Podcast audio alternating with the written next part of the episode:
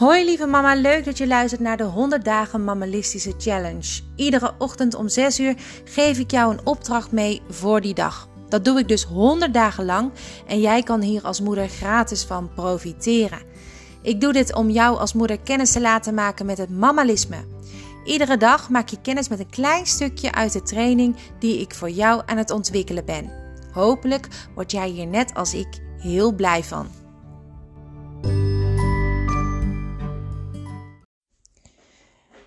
Dat heerlijke gevoel dat je ergens mee bezig bent en de tijd vergeet. Het woord ervoor, wat we daarvoor gebruiken vaak, is flow.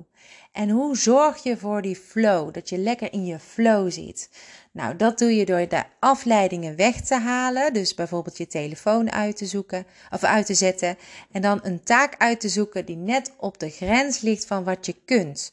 Zodat je een beetje uitgedaagd bent. Dan zet je een timer op een half uur. En dan ga je en uiteindelijk kom je lekker in je flow.